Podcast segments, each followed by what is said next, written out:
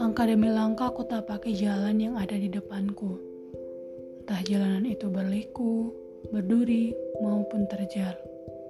Aku tahu perjalanan menuju baik itu sangatlah susah dan tak mudah. Terkadang di perjalanan, kutemui banyak sekali hal-hal yang membuatku ingin berhenti dan kembali memutar arah.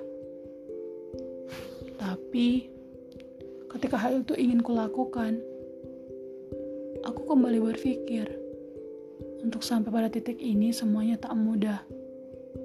Aku, aku harus melalui hal yang kusukai maupun yang tak kusukai. Dan kita sangat tahu, setiap perjalanan pasti ada tujuan yang ingin kita capai. Begitu halnya pun dengan aku, kamu, dan kita semua.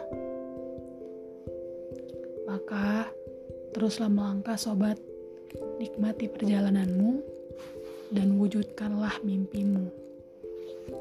Acukan hal-hal yang membuatmu goyah dan ingin berhenti. Jelajahilah kehidupan yang ada dan ambillah hikmah dan pelajarannya. Semangat ya! thank you